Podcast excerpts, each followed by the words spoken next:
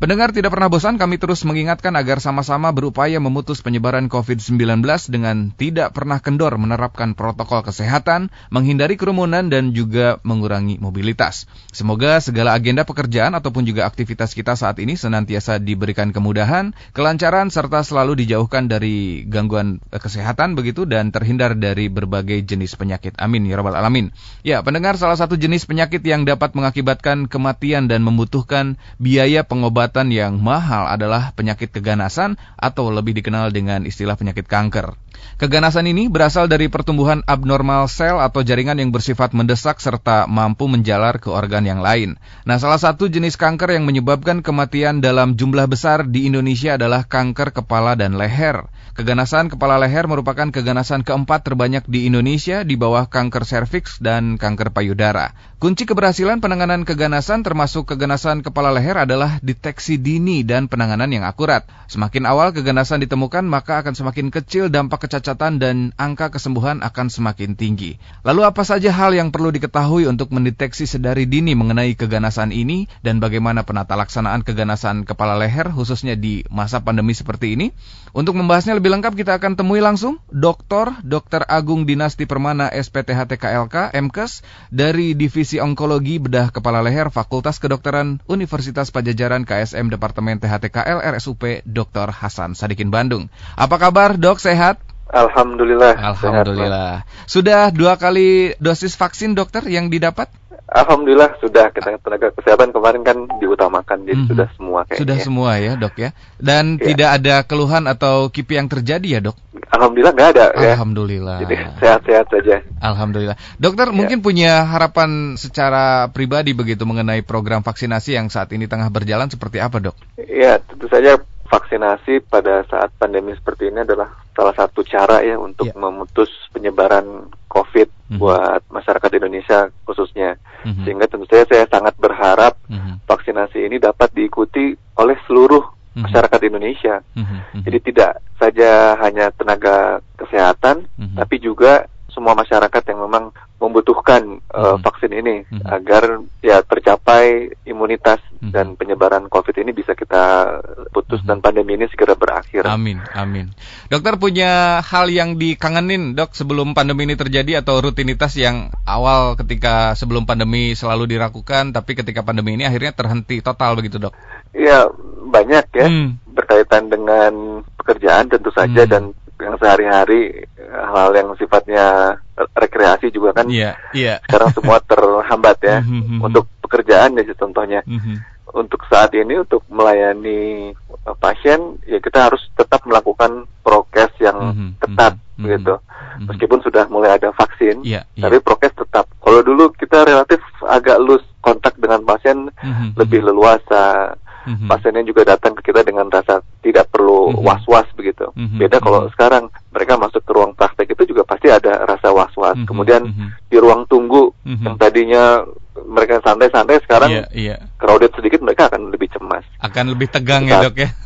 iya, jadi belum masuk ke ruangan praktek aja sudah sudah tegang. kan kalau zaman dulu kan enggak ya, mm-hmm. kita nyaman, mm-hmm. ketemu pasien konsultasi bisa mm-hmm santai begitu mm -hmm. dan pasien merasa lebih nyaman saat itu. Yeah, Kalau yeah. sekarang dia sudah tegang dengan sakitnya, ditambah yeah, lagi dengan tegang. ketegangan mm -hmm. takut tertular, mm -hmm. tertular. Tentu saja itu akan menambah uh, stres mm -hmm. buat pasiennya. Yeah. Untuk tenaga kesehatan, dokter, mohon maaf, untuk tenaga kesehatan saat ini protapnya memang masih memakai APD level 3 atau seperti apa, dok? Eh, enggak, kalau untuk level mungkin akan sangat disesuai dengan hmm. uh, lokasi dan faktor risiko hmm, uh, tertularnya. Hmm, hmm. Jadi enggak semuanya pakai level 3 sih. Hmm, hmm, Kayak di poliklinik, yeah. awalnya kita memang sempat seperti itu di awal-awal pandemi ya. Hmm. Kita semua pakai level 3 hazmat begitu. Hmm, hmm. Tapi sejalan dengan bertambahnya pengetahuan kita tentang penularan COVID ini, hmm. ya kita sudah bisa lebih menyesuaikan yeah. lagi. Hmm. Begitu. Baik. Tapi tetap menggunakan hmm prokesnya tetap. Ya, jangan kendor ya dok ya prokesnya betul. betul.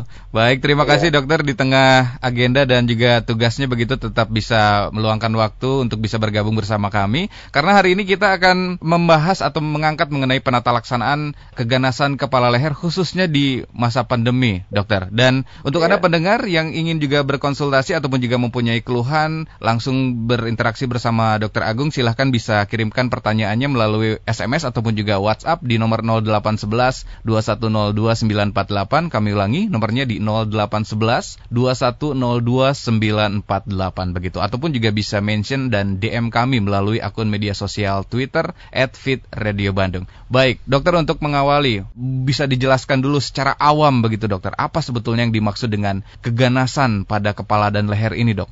Ya, kalau dengar judulnya kayaknya agak serem ya. Iya. keganasan. Betul. Tapi secara prinsip perlu saya sampaikan juga bahwa keganasan atau istilahnya kanker begitu mm -hmm. itu dinamai biasanya berdasarkan organ yang terkena atau terlibat yeah. atau regionnya yang terlibat. Mm -hmm. Contohnya misalkan yang saat ini kita diskusikan yeah. keganasan yeah. kepala dan leher. Mm -hmm. Artinya itu adalah keganasan atau kanker yang terjadi mm -hmm. yang atau muncul bermanifestasi di daerah kepala dan leher. leher. Apa hmm. aja sih hmm. kepala dan leher? Leher kita tahu ya, leher tuh yeah. mulai dari uh, setinggi apa? Kurang lebih tingginya sih di rahang kita ke hmm. bawah mm -hmm. sampai ke daerah pundak bahu itu, mm -hmm. itu leher kan. Mm -hmm. Kemudian kalau kepala yang termasuk sebetulnya ke head and neck atau kepala leher keganasan ini adalah daerah wajah gitu, daerah sinus, mm. kemudian daerah hidung, yeah, iya, daerah yeah, yeah. rongga mulut, kemudian di belakang hidung ada rongga nasofaring, iya. rongga orofaring gitu, iya. dan di daerah pita suara. Hmm. Gitu. Baik, yang dimaksud dengan keganasan ini apakah memang menandakan level tertentu dari kondisi kesehatan yang dialami pasien, Dok?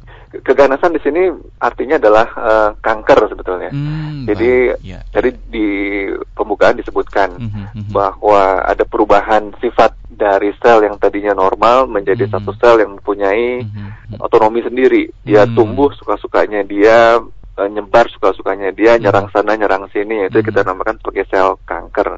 Hmm. Nah, keganasan di sini maksudnya adalah kanker tersebut. Hmm. Jadi kanker di daerah kepala dan itu yang dimaksud dengan keganasan kepala dan leher. Hmm, hmm, hmm, Baik, terima kasih. Berarti memang keganasan ini bisa diartikan sama dengan kanker begitu ya, dokter ya? Betul. Ya, nah betul, gitu. untuk yang tumor begitu yang yang terjadi di area kepala leher itu belum bisa disebut uh, keganasan, dok, atau disebut kanker, dok? Berbeda, belum. Hmm. Tumor tumor itu terminologinya sebetulnya artinya adalah benjolan. Hmm. Ya, yang tadinya tidak ada kalau misalkan kalau pada laki-laki kan ada apa jakun gitu, yeah, ada yeah, gitu. Yeah, yeah. Nah, itu kan itu bukan benjolan, kok itu tonjolan. Oh, baik. Berbeda Beda ya, Dok ya. Iya. ya, kalau benjolan yang tadinya nggak ada, tadinya nggak hmm, muncul benjolan. Hmm, nah, hmm, terus tiba-tiba ada yang menonjol, kita itu disebut benjolan dan hmm. terminologi di kedokteran itu adalah tumor. Hmm. Nah, tumor sendiri itu dibagi dua. Ada yang ya. sifatnya jinak, ada yang oh, sifatnya ganas bedanya apa sih? Yeah. Kalau yang jinak itu dia juga punya otonomi, tapi dia tumbuh hanya tumbuh membesar relatif begitu. Mm -hmm. Jadi sel-selnya uh, membesar bertambah banyak, tapi tidak menyebar. Mm -hmm. Dia tidak hmm. punya kemampuan untuk misalkan masuk ke pembuluh darah mm -hmm. terus hmm. tumbuh di tempat yang lain. Mm -hmm. Itu kalau tumor jinak seperti itu. Mm -hmm. Tapi kalau dibiarkan membesar, dia juga bisa menyebabkan gangguan karena dia akan mm -hmm. menekan ke struktur di sekitarnya. Itu mm -hmm. untuk tumor jinak. Mm -hmm. Sedangkan yang satu lagi adalah tumor ganas. Dia benjolan yang punya kemampuan juga bukan hanya untuk tumbuh di tempatnya, mm -hmm. tapi mendesak, menyerang dan menyebar ke bagian tubuh yang jauh. Itu bedanya. Jadi kalau -hmm. pertanyaannya mm -hmm. selalu ganas enggak juga, bisa jinak, bisa ganas. Baik, terima gitu. kasih. Tapi untuk kanker tidak ada istilah kanker yang jinak ya, Dok? Enggak. Enggak ada ya? Nah, itu ya agak-agak hmm. misleading tuh. Sebenarnya kalau kanker kita asosiasinya akan akan ke sesuatu yang ganas. Hmm. Yang artinya dia sifatnya yang tadi yang saya jelaskan bisa ya, menyebar ya. begitu. Baik, ini mengedukasi kita semua bahwa memang berbeda antara tumor dan kanker begitu ya, Dok ya? Betul, betul. Hmm, ya, suka ada misleading ini, Dok. Baik, Dokter ya. uh, kita berlanjut ini apakah memang ada organ spesifik yang bisa terserang begitu dari kanker di area kepala dan leher ini secara umum, Dok? Ya, secara umum kalau kita lihat di daerah kepala nih ya, kepala hmm. kita tuh kan sebetulnya ada otak ya organnya yang yeah, di atas yeah, nih. Yeah. Kemudian ada mata, kemudian yang THT tadi, telinga, hmm. hidung dan tenggorok. Tenggorok, iya, iya. iya. Nah, kalau uh, apa namanya daerah otak yang terkena, misalkan keganasan hmm. di daerah otak itu, maka biasanya dia di rule out dari keganasan kepala dan leher. Hmm. Dia lebih cenderung ke kanker otak begitu. Hmm. hmm, hmm, hmm. Jadi nanti ada keilmuan tersendiri yang memang menangani hmm. keganasan yang muncul di daerah uh, otak tadi atau kranial tadi, hmm. yaitu bedah syaraf. Hmm. Sedangkan untuk di bagian mata begitu, yeah, yeah. kalau misalkan kanker yang muncul di mata, yeah maka dia akan ditangani oleh dokter, dokter. spesialis mata dokter. onkologi. Nah, di tempat yang lain seperti di telinga, yeah. di hidung, di tenggorokan, di iya. rongga mulut, di daerah pita suara dan leher serta kelenjar getah beningnya, yeah. nah itu akan masuk ke regio uh, head and neck dan itu ditangani oleh uh, bedah onkologi THT KL hmm, gitu. Baik. Jadi memang kanker yang menyerang area otak begitu ya, eh, kepala uh, dan leher ada, leher. ada uh, otak, mata, THT begitu ya. Ya, betul. Hmm, Nah, dokter, apakah memang ini ada, maksudnya penyebab-penyebabnya juga bisa bisa di didetek begitu, dokter, untuk pencegahan, ya. dok? Mm-hmm. Ya, jadi kalau kita fokus pada keganasan kepala dan leher, ya. Yeah, yeah. Jadi kalau kita bicara tentang penyebab, itu sebetulnya kalau cancer dia masih multi uh, apa nama multifaktor. Hmm. Artinya nggak tunggal penyebabnya, sehingga hmm. kadang-kadang memang sulit menentukan. Apa sih penyebabnya pada orang yeah. ini dia terkena kanker, misalkan kanker di sinus begitu. Yeah, yeah. Apa sih penyebabnya? Tapi secara umum keganasan itu faktor pertama yang menjadi hmm. faktor risiko adalah satu genetik. Oh. Ya genetik itu artinya bawaan hmm. dari misalkan family mm-hmm. keluarga mm-hmm. gitu yang paling sering sih seperti itu mm-hmm. misalkan di orang tua kakek neneknya itu yeah, ada yang yeah. punya riwayat kanker sebelumnya yeah, yeah. maka kita yang generasi di bawahnya punya resiko mm-hmm. untuk juga menderita kanker mm-hmm. tanda kutip faktor resiko artinya belum tentu ya yeah, belum yeah. tentu terkena tapi punya faktor resiko nah mm-hmm. faktor lain yang juga dihubungkan dengan kejadian kanker mm-hmm. di daerah kepala dan leher adalah faktor virus Hmm. Ini ada nih khususnya yang nasofaring gitu. Mm-hmm. Nasofaring itu rong rongga di belakang hidung. Mm-hmm. Itu sudah dihubungkan dan terbukti mm-hmm. dia apa namanya disebabkan oleh infeksi virus Epstein Barr. Mm-hmm. Gitu. Kemudian untuk keganasan di daerah rongga mulut begitu yeah. dan sinus juga kadang-kadang yeah. itu berhubungan juga dengan HPV virus herpes uh, virus hmm. yang tipe 1 hmm. itu berhubungan tuh itu dua faktor utama dan satu lagi adalah faktor gaya hidup. Hmm. Gaya hidup ini termasuk satu rokok, hmm. ya, yeah, terus yeah. paparan terhadap zat kimia hmm. dan juga pola makan, ya hmm. untuk khususnya untuk keganasan di nasofaring. Nah ini ada faktor khusus nih yang yeah, sudah terbukti hubungannya adalah mengkonsumsi makanan-makanan yang diawetkan, hmm. misalkan yeah. Uh, ikan asin gitu atau asinan-asinan. Nah itu yeah. terbukti memang berhubungan dengan kejadian keganasan di daerah nasofaring. Jadi mungkin itu yang utamanya sih. Memang kalau ditanya penyebabnya. Multifaktor begitu ya, Dok, akhirnya Betul. begitu yang yang menjadi hmm. faktor penyebab dan uh, tadi sempat disebutkan juga di awal bahwa kunci keberhasilan penanganan keganasan atau kanker ini memang adalah uh, deteksi dini begitu ya. Jadi semakin awal keganasan ditemukan, maka angka kesembuhannya akan semakin tinggi. Nah, bagaimana cara untuk kita bisa mendeteksi dokter bahwa memang selain tadi yang diwariskan begitu ya berat dari dari yeah. keturunan gitu dan hal-hal lain yang bisa kita deteksi bahwa ini juga bisa menjadi resiko eh, terkena kanker, dok? Iya, banyak hal sih yang bisa kita kita lakukan ya. Mm-hmm. Betul tadi, salah satu kunci keberhasilan penanganan kanker adalah uh, deteksi dini. Mm-hmm. Atau bahkan sebetulnya sih yang paling tepat adalah preventif atau mencegah terjadinya. Mm-hmm. Karena sebetulnya kalau sudah dia muncul, mm-hmm. tanda kutip, walaupun dia stadium dini, yeah. dia sudah agak telat, oh, gitu.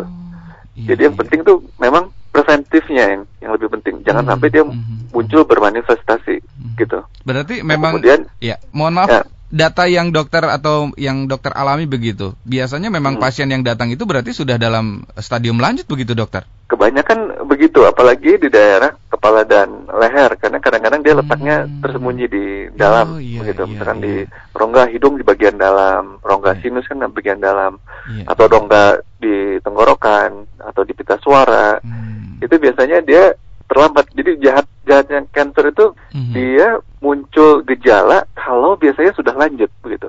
Oh. Artinya dia sudah mulai yeah. mengganggu fungsi, oh, okay. mengganggu ke organ sekitar, baru muncul gejala, baru pasien merasakan. Oh. Nah sebenarnya kalau udah muncul gejala tuh relatif biasanya dia stadiumnya sudah agak lanjut begitu. Hmm. Karena gini, untuk stadium kanker itu sebetulnya kita bagi menjadi empat stadium. Yeah. Satu, dua, tiga, dan empat. Yeah. Stadium satu dan dua itu adalah stadium awal kita sebutnya. Mm-hmm. Sedangkan stadium 3 dan 4 sudah advance atau stadium lanjut. Mm. Nah, banyaknya nih justru dua atau tiga gitu, mm. bahkan empat yang datang ke kita tuh. Yeah, yeah, Jadi sudah yeah. sudah terlambat. Dalam artian angka kesembuhan yeah. akan berkurang karena angka kesembuhan mm-hmm. pada keganasan itu sangat tergantung dari stadiumnya. Hmm. Kalau dia bisa dideteksi dini atau yeah. diketahui pada stadium satu atau yeah. dua, maka angka harapan dia sembuh itu bisa mencapai 60 sampai 80 persen hmm. gitu. Begitu hmm. stadiumnya bertambah, yeah. stadium 3 dan 4 maka akan jauh sekali berkurang.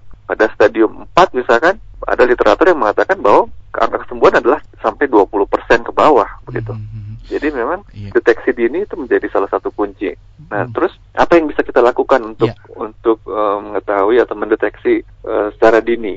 Pada beberapa keganasan e, contohnya misalkan prostat gitu mm -hmm. ya atau kanker serviks gitu mm -hmm. sekarang bahkan ke kanker payudara mm -hmm. kita sudah bisa mengetahui yeah, yeah. potensi seseorang mengidap kanker itu mm -hmm. lebih jauh lebih awal mm -hmm. artinya dengan menggunakan biomarker tertentu kita sudah bisa tahu nih wah ini orang potensi nih mm -hmm. untuk jadi kanker mm -hmm. nah itu bisa kita cegah contoh ekstrim mungkin kalau saya boleh nyebut nama mungkin tahu ya Angelina Jolie iya iya iya setelah dengar beritanya juga dia mengangkat payudaranya. Mm -hmm. Karena apa? Karena dia diketahui dia memiliki gen, mm. memiliki gen yang menjadi faktor resiko terjadinya kanker dan ada memang riwayat family-nya begitu. Mm. Sehingga untuk preventif sebelum muncul kanker sama dia diangkat tuh. Mm. Itu sangat ekstrim dok ya? Itu ekstrim tuh. Iya iya. Tapi iya, dia sampai seperti itu. Nah sebenarnya metode-metode hmm. untuk mengetahui secara dini seperti itu yang yeah. yang paling tepat sebetulnya. Artinya hmm. sebelum kanker kanker itu muncul. Nah, untuk keganasan kepala dan leher itu terus terang belum ada yang established tuh hmm. biomarkernya. Hmm. Tapi kita hmm. kembangkan terus. Seperti tadi saya singgung tentang kanker nasofaring ya. Hmm. hmm. Kanker nasofaring itu berhubungan dengan virus dan itu terbukti. Hmm. Nah di beberapa negara yang memang sudah advance dan sudah memang memiliki angka kejadian yang sangat tinggi seperti di Cina ataupun yeah. di Hong Kong gitu, yeah. mereka menggunakan itu sebagai marker. Hmm. Jadi kalau ada orang belum manifest, yeah. dicek sama dia screening marker untuk virusnya, yeah. begitu dia tinggi, dilihat faktor risiko lain, yeah. maka dia akan dilakukan treatment seperti imunisasi misalkan hmm. untuk itu. Hmm. Jadi belum terjadi. Baik. Begitu. Baik yang yang memang jadi perlu perhatian karena memang di awal kemunculan ini tidak ada gejala sama sekali ya dok. Betul itu itu susahnya ya, itu ya, dan ya, itu jahatnya ya. menurut saya. Hmm, Dia muncul begitu ada gejala, nah ini biasanya sudah manifest tuh. Baik, sudah stadium lanjut uh, begitu ya ketika muncul gejala baru ya. Relatif. Relatifnya gitu. begitu baik. Relatif, tapi tapi hmm. paling tidak ada hmm. awareness juga sih buat kita ya. Hmm. hmm, hmm, hmm. Buat buat para pendengar nih, yeah. kalau misalnya ada gejala-gejalanya nih apa sih? Yeah. Misalkan satu kalau pilek yang nggak sembuh sembuh, hidung mampet, oh, terus ada mimisan yeah, itu yeah. untuk daerah uh, sinonasalnya untuk daerah yeah. hidung dan sinus. Kemudian mungkin ada gangguan menelan, yeah, yeah. ada suara serak yang tidak hilang-hilang. Ya sebaiknya itu diperiksakan lebih lanjut untuk dibuktikan mm -hmm. ada nggak resiko ke arah keganasan. Mm -hmm. Gitu mungkin. Baik, terima kasih untuk uh, remindernya begitu ya, Dok, bagi mm -hmm. kita semua untuk bisa mendeteksi awal karena memang ketika tidak bergejala terus tiba-tiba ini sudah apa namanya ternyata ketika bergejala sudah masuk stadium yang lanjut ini pengobatan pengobatannya atau penyembuhannya juga memang akan sangat berisiko begitu ya, dokter. Iya. Nah, dokter tadi sempat disebutkan juga bahwa memang salah satu faktor begitu yang bisa menjadi pemicu adalah virus ya, dokter ya. Nah, iya. apakah virus yang sekarang sedang booming ini, dokter, virus corona ini yang sedang ramai, akhirnya juga bisa menjadi faktor pemicu kanker ini, dok? Oke, ini pertanyaan menarik nih. Sejauh ini sih saya belum mendapatkan literatur ya yang mengatakan bahwa COVID-19 yeah. bisa menjadi pemicu terjadinya suatu keganasan. Mm-hmm. Sampai saat ini sih belum belum ada jurnal yang yang mengatakan hal tersebut. Mm-hmm. Mungkin mereka lebih concern kepada impactnya bila seseorang yang misalkan menderita cancer begitu, yeah, yeah. terus terinfeksi virus COVID, yeah. apa yang akan terjadi dampaknya? Mm-hmm. Beberapa literatur mengatakan bahwa orang-orang yang mengalami cancer sebetulnya uh, relatif imunnya itu terganggu. Mm. apalagi orang-orang yang menjalani terapi kemoterapi misalkan mm-hmm. atau radioterapi maka sistem mm-hmm. imunnya itu akan terdepres atau tertekan mm-hmm. sehingga akan sangat riskan bila pasien-pasien tersebut sampai terinfeksi uh, mm-hmm. COVID-19 ini dengan kondisi imun yang lemah COVID-19 masuk mm-hmm. ya tentu akan sangat memberatkan perjalanan penyakit dari COVID-19-nya mm-hmm. sendiri dan kansernya itu.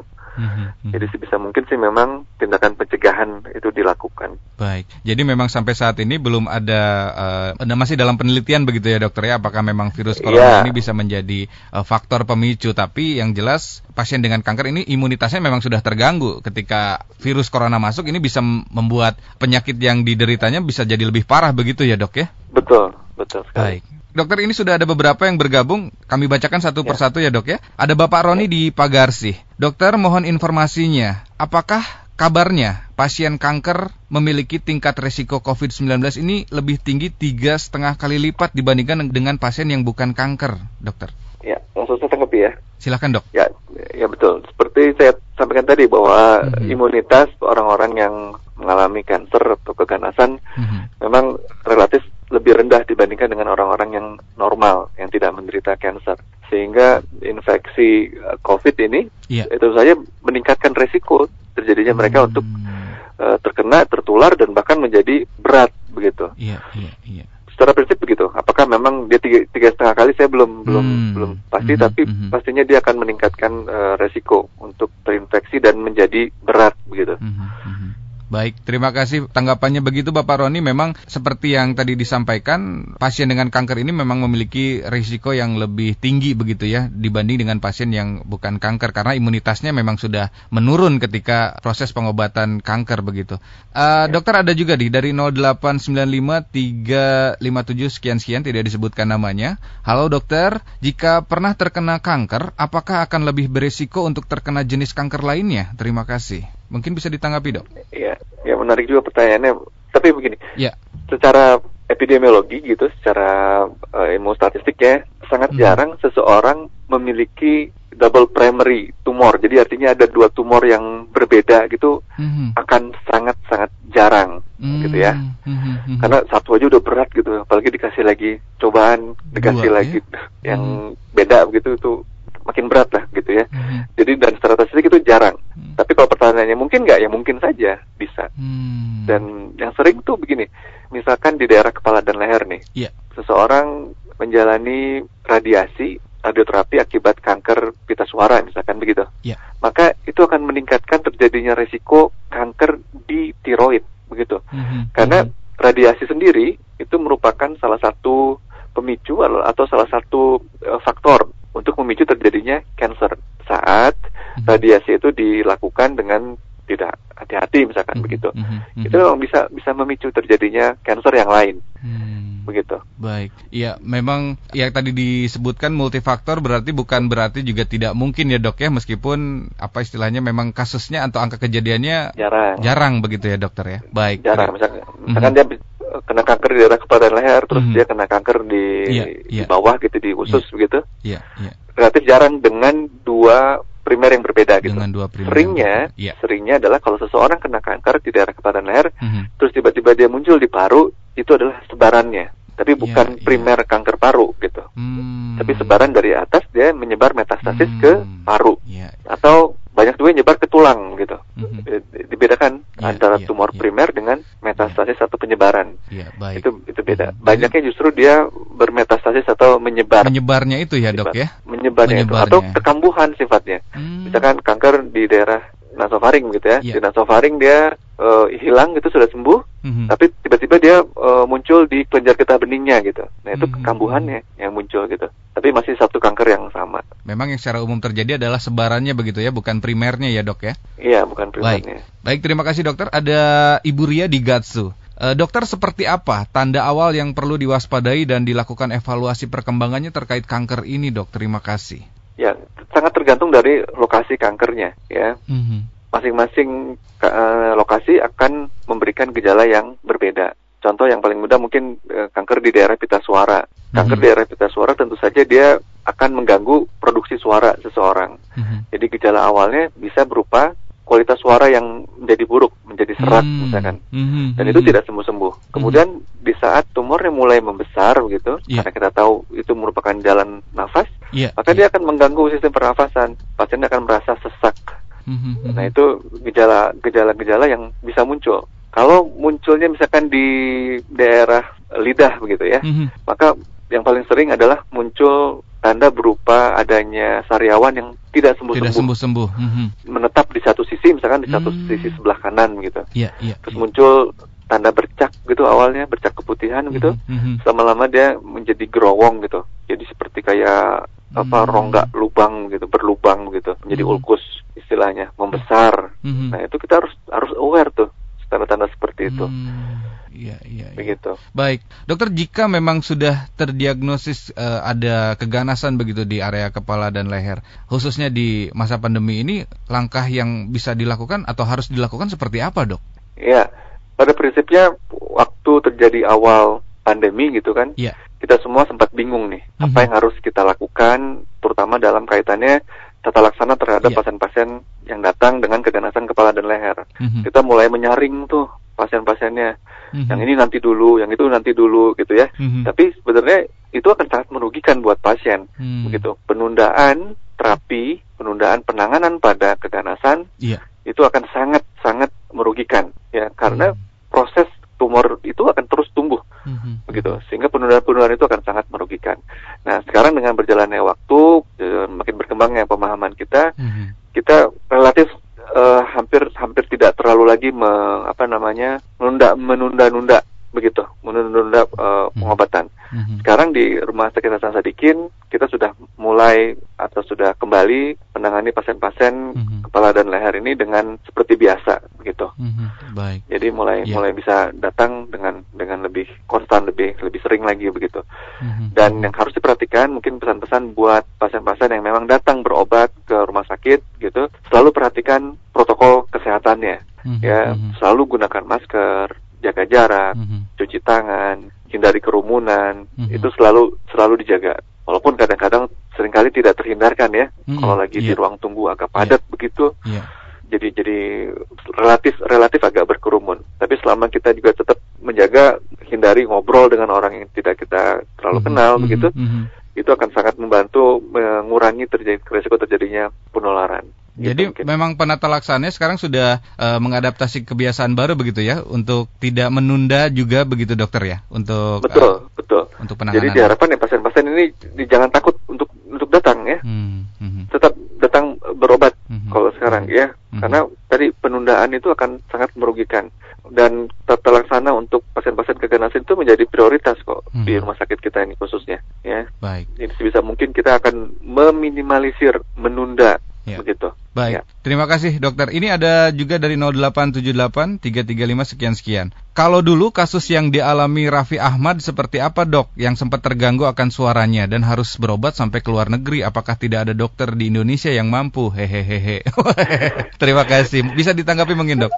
Oke, saya ya. agak nggak terlalu ngikutin itu oh, Raffi Ahmad. Mungkin masih ada berita apa? Kalau jadi suara apa ya? suaranya itu yang tadi mungkin uh, suaranya memang serak tapi seraknya tidak sembuh-sembuh begitu. Bahkan sempat hilang begitu dokter. Oke, okay. mm -hmm. ya kalau kita lihat gini, saya nggak saya nggak tahu detail tentang mm -hmm. kasusnya mm -hmm. Mas Raffi Ahmad begitu ya. Yeah, Tapi yeah. harus disampaikan begini, beliau itu kan seorang apa namanya yang aktif menggunakan suara ya yeah. sebagai pembawa acara, mm -hmm. MC sana sini terus kayaknya nggak berhenti ya. Mm -hmm. Terus di di TV juga uh, menggunakan suaranya boleh kita nilai agak sedikit overuse begitu, hmm. agak berlebihan memang karena memang pekerjaannya menuntut itu. Iya, iya betul. Dan betul. pada orang-orang yang memang menggunakan suaranya secara berlebihan ya, hmm. overuse kita sebutnya, hmm. ada risiko terjadi atau terbentuknya nodul di daerah pita suara seperti ada benjolan kecil hmm. begitu dan itu akan menyebabkan suara menjadi serak itu saja hmm. dan itu pada kita sebut juga sebagai nodul singer pada penyanyi begitu kadang-kadang yeah. dia oh, muncul yeah, seperti yeah, itu tuh yeah, yeah. ada nodulnya hmm dan um, belum tentu itu bagi sebagai suatu keganasan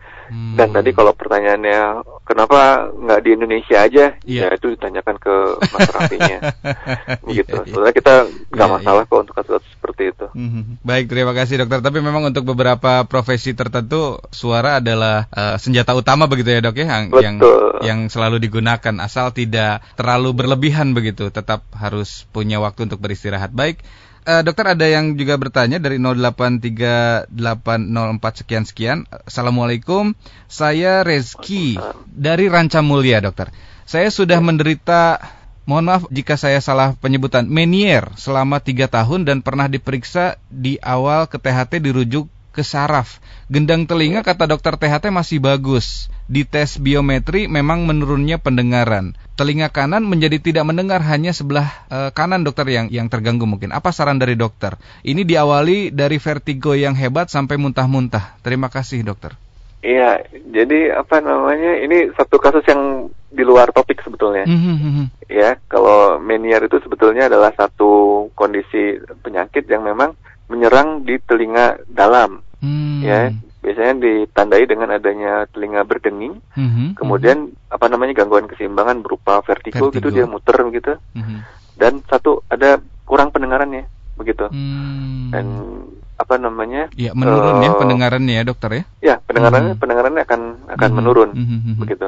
Nah untuk terapinya memang macam-macam sih. Hmm. Ya sebaiknya memang datang datang lagi ke dokter spesialis yang kemarin uh, hmm. menangani. Ya mungkin bisa dibantu awalnya sih bisa dengan obat-obatan dulu biasanya gitu. Paling tidak untuk mengontrol simptom atau gejalanya. Hmm. Baik, dokter apakah ini akan bersifat permanen atau hanya sementara dok sebetulnya gangguan pendengaran ini? Ya, kadang-kadang dia bisa jadi permanen ya. Kalau yeah. pada menyir gitu, mm-hmm. hearing lossnya bisa menjadi mm-hmm. satu yang sifatnya permanen. Baik, terima kasih dokter sudah ditanggapi Bapak Reski. Begitu tanggapan dari dokter dan untuk lebih detail mungkin bisa segera kembali memeriksakan begitu kondisinya ke THT atau ke dokter THT. Baik, kita berlanjut dokter masih ada beberapa yang bergabung bersama kita dok melalui WhatsApp. Ya. Assalamualaikum, waalaikumsalam warahmatullahi wabarakatuh. Salam. Saya Bapak atau Ibu Asni dari Antapani izin bertanya. Tetangga saya mengeluh muncul benjolan di leher kanannya yang semakin hmm. membesar dengan cepat, dokter. Saat yeah. ini telinga kanannya juga dibilang uh, mendenging. Kalau seperti itu sebaiknya kita sarankan bagaimana ya dok? Apakah itu juga termasuk tanda-tanda keganasan? Terima kasih dokter. Iya terima kasih. Uh, betul.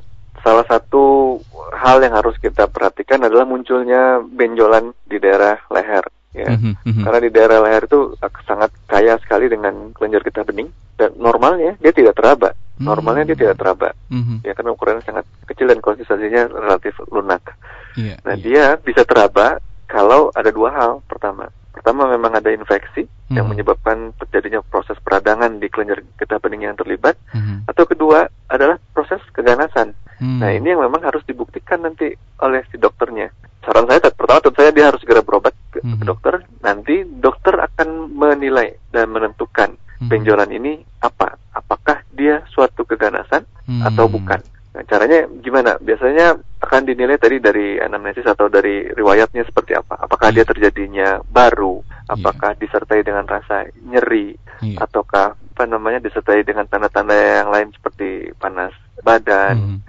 begitu mm-hmm. dan mm-hmm. dari pemeriksaan fisik apakah dia terabanya keras apakah yeah. dia terabanya lunak iya. apakah yeah. ada nyeri tekan yeah. itu akan membedakan antara suatu keganasan dengan yeah. proses infeksi mm. dan pada kondisi tertentu dokter THT akan memeriksa lebih dalam jadinya dokter akan memeriksa saluran saluran mm-hmm. nafas bagian atas dengan melakukan pemeriksaan endoskopi mm-hmm. untuk menilai apakah ada primer atau tumor utama di dalamnya. Mm-hmm. Kalau nanti ditemukan misalkan uh di dalam nasofarinya ada nih mm-hmm. kemungkinan sumbernya, mm-hmm. maka dokter akan melakukan biopsi di situ. Mm. Begitu, diambil sampelnya untuk kemudian diperiksakan ke laboratorium dan dilihat ini sebetulnya mm-hmm. sesuatu yang ganas atau bukan. Mm-hmm. Itu yang akan dilakukan oleh dokter. Dan mengenai telinga berdenging, yeah. apakah dia berhubungan dengan si benjolannya? Yeah. Bisa ya, bisa tidak. Sehingga dokternya memang perlu melakukan pemeriksaan lebih mm-hmm. lanjut untuk itu. Mm-hmm. Baik. Gitu mungkin mas. Baik, terima kasih dokter untuk hmm. tanggapannya. Ini masih ada beberapa dok ya. bisa mungkin hmm. ditanggapi secara singkat saja.